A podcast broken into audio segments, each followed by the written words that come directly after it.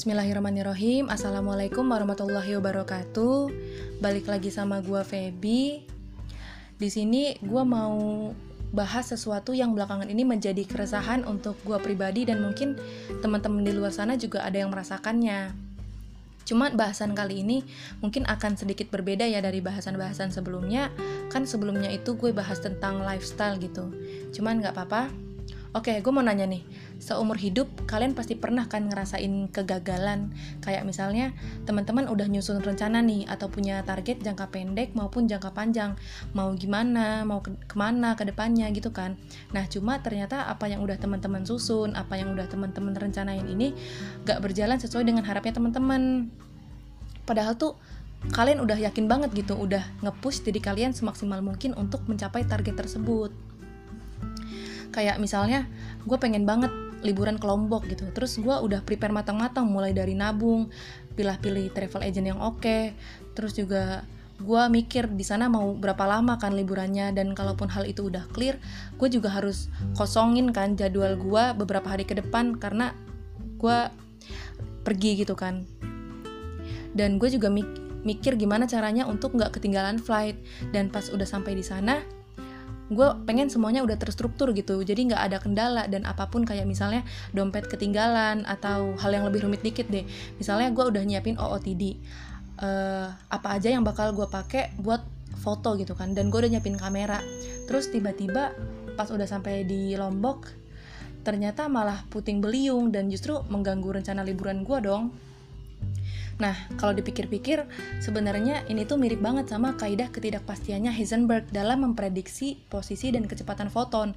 Bahwa siapa yang bisa menjamin kalau kita mempersiapkan plan A, terus plan A akan terjadi sesuai dengan ekspektasi kita gitu. Cuma kan nggak bisa teman-teman, karena sekuat apa pun ikhtiar kita, ya Allah lah yang mengizinkannya gitu.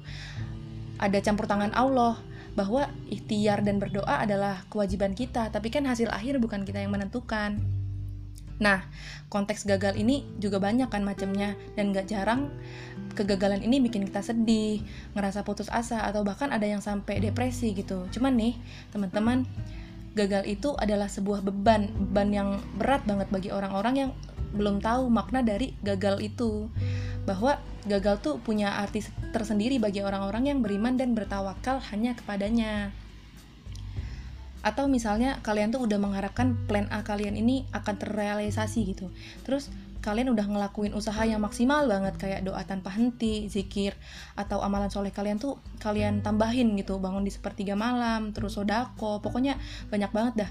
Nah terus sampai di saat di mana plan kalian ini ternyata belum terkabul, terus sam sampai muncul atau terbesit pikiran kayak perasaan gue tuh udah berusaha deh gue juga udah berdoa masa masih gagal juga sih? Katanya Allah tuh maha mendengar doa hambanya.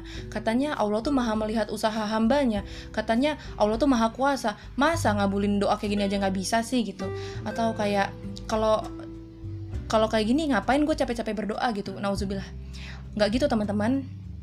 Sesungguhnya kegagalan demi kegagalan yang kita alamin dalam hidup kita ini sebenarnya nggak sebanding banget sama apa yang udah Allah kasih ke kita gitu. Sama semua nikmat yang udah Allah titipkan ke kita. Bahwa kalau misalnya kita gagal di plan A itu sama sekali nggak mengurangi rasa sayang Allah ke kita. Kita masih bisa kok gunain mata kita kaki kita telinga tangan atau anggota tubuh kita yang lain untuk tetap bermanfaat Coba deh, kita pikir-pikir lagi sebenarnya tujuan kita tuh apa sih?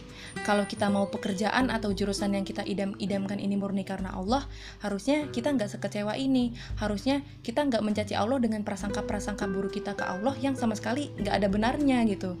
Bahwa setelah upaya yang kita lakukan, sisanya ya serahkan aja sama Allah.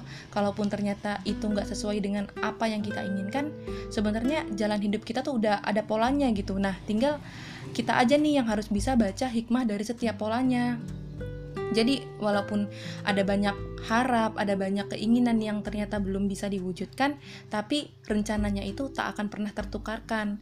Dan seorang salaf pun menyampaikan bahwasanya jika saja engkau mengetahui bagaimana indahnya Allah mengatur hidupmu, niscaya hatimu akan dibuat meleleh olehnya. Masya Allah banget kan? Ini tuh cuma tentang bagaimana kita memahami atau membaca hikmah dari setiap kegagalan-kegagalan yang terjadi dalam hidup kita. Dan yang terakhir, apa pun profesi kita, semoga kita nggak lupa mengejar karir untuk menjadi sebaik-baik pegawainya sehingga kita akan fokus pada value. Dan profesi bukan lagi dipandang sebagai sarana mencari tapi sebagai sarana memberi yang bagaimana dengan profesi itu kita bisa menebar manfaat seluas-luasnya dan kebaikan mengalir tanpa henti-hentinya. Gitu aja mungkin dari gua. Kurang lebihnya mohon dimaafkan. Wassalamualaikum warahmatullahi wabarakatuh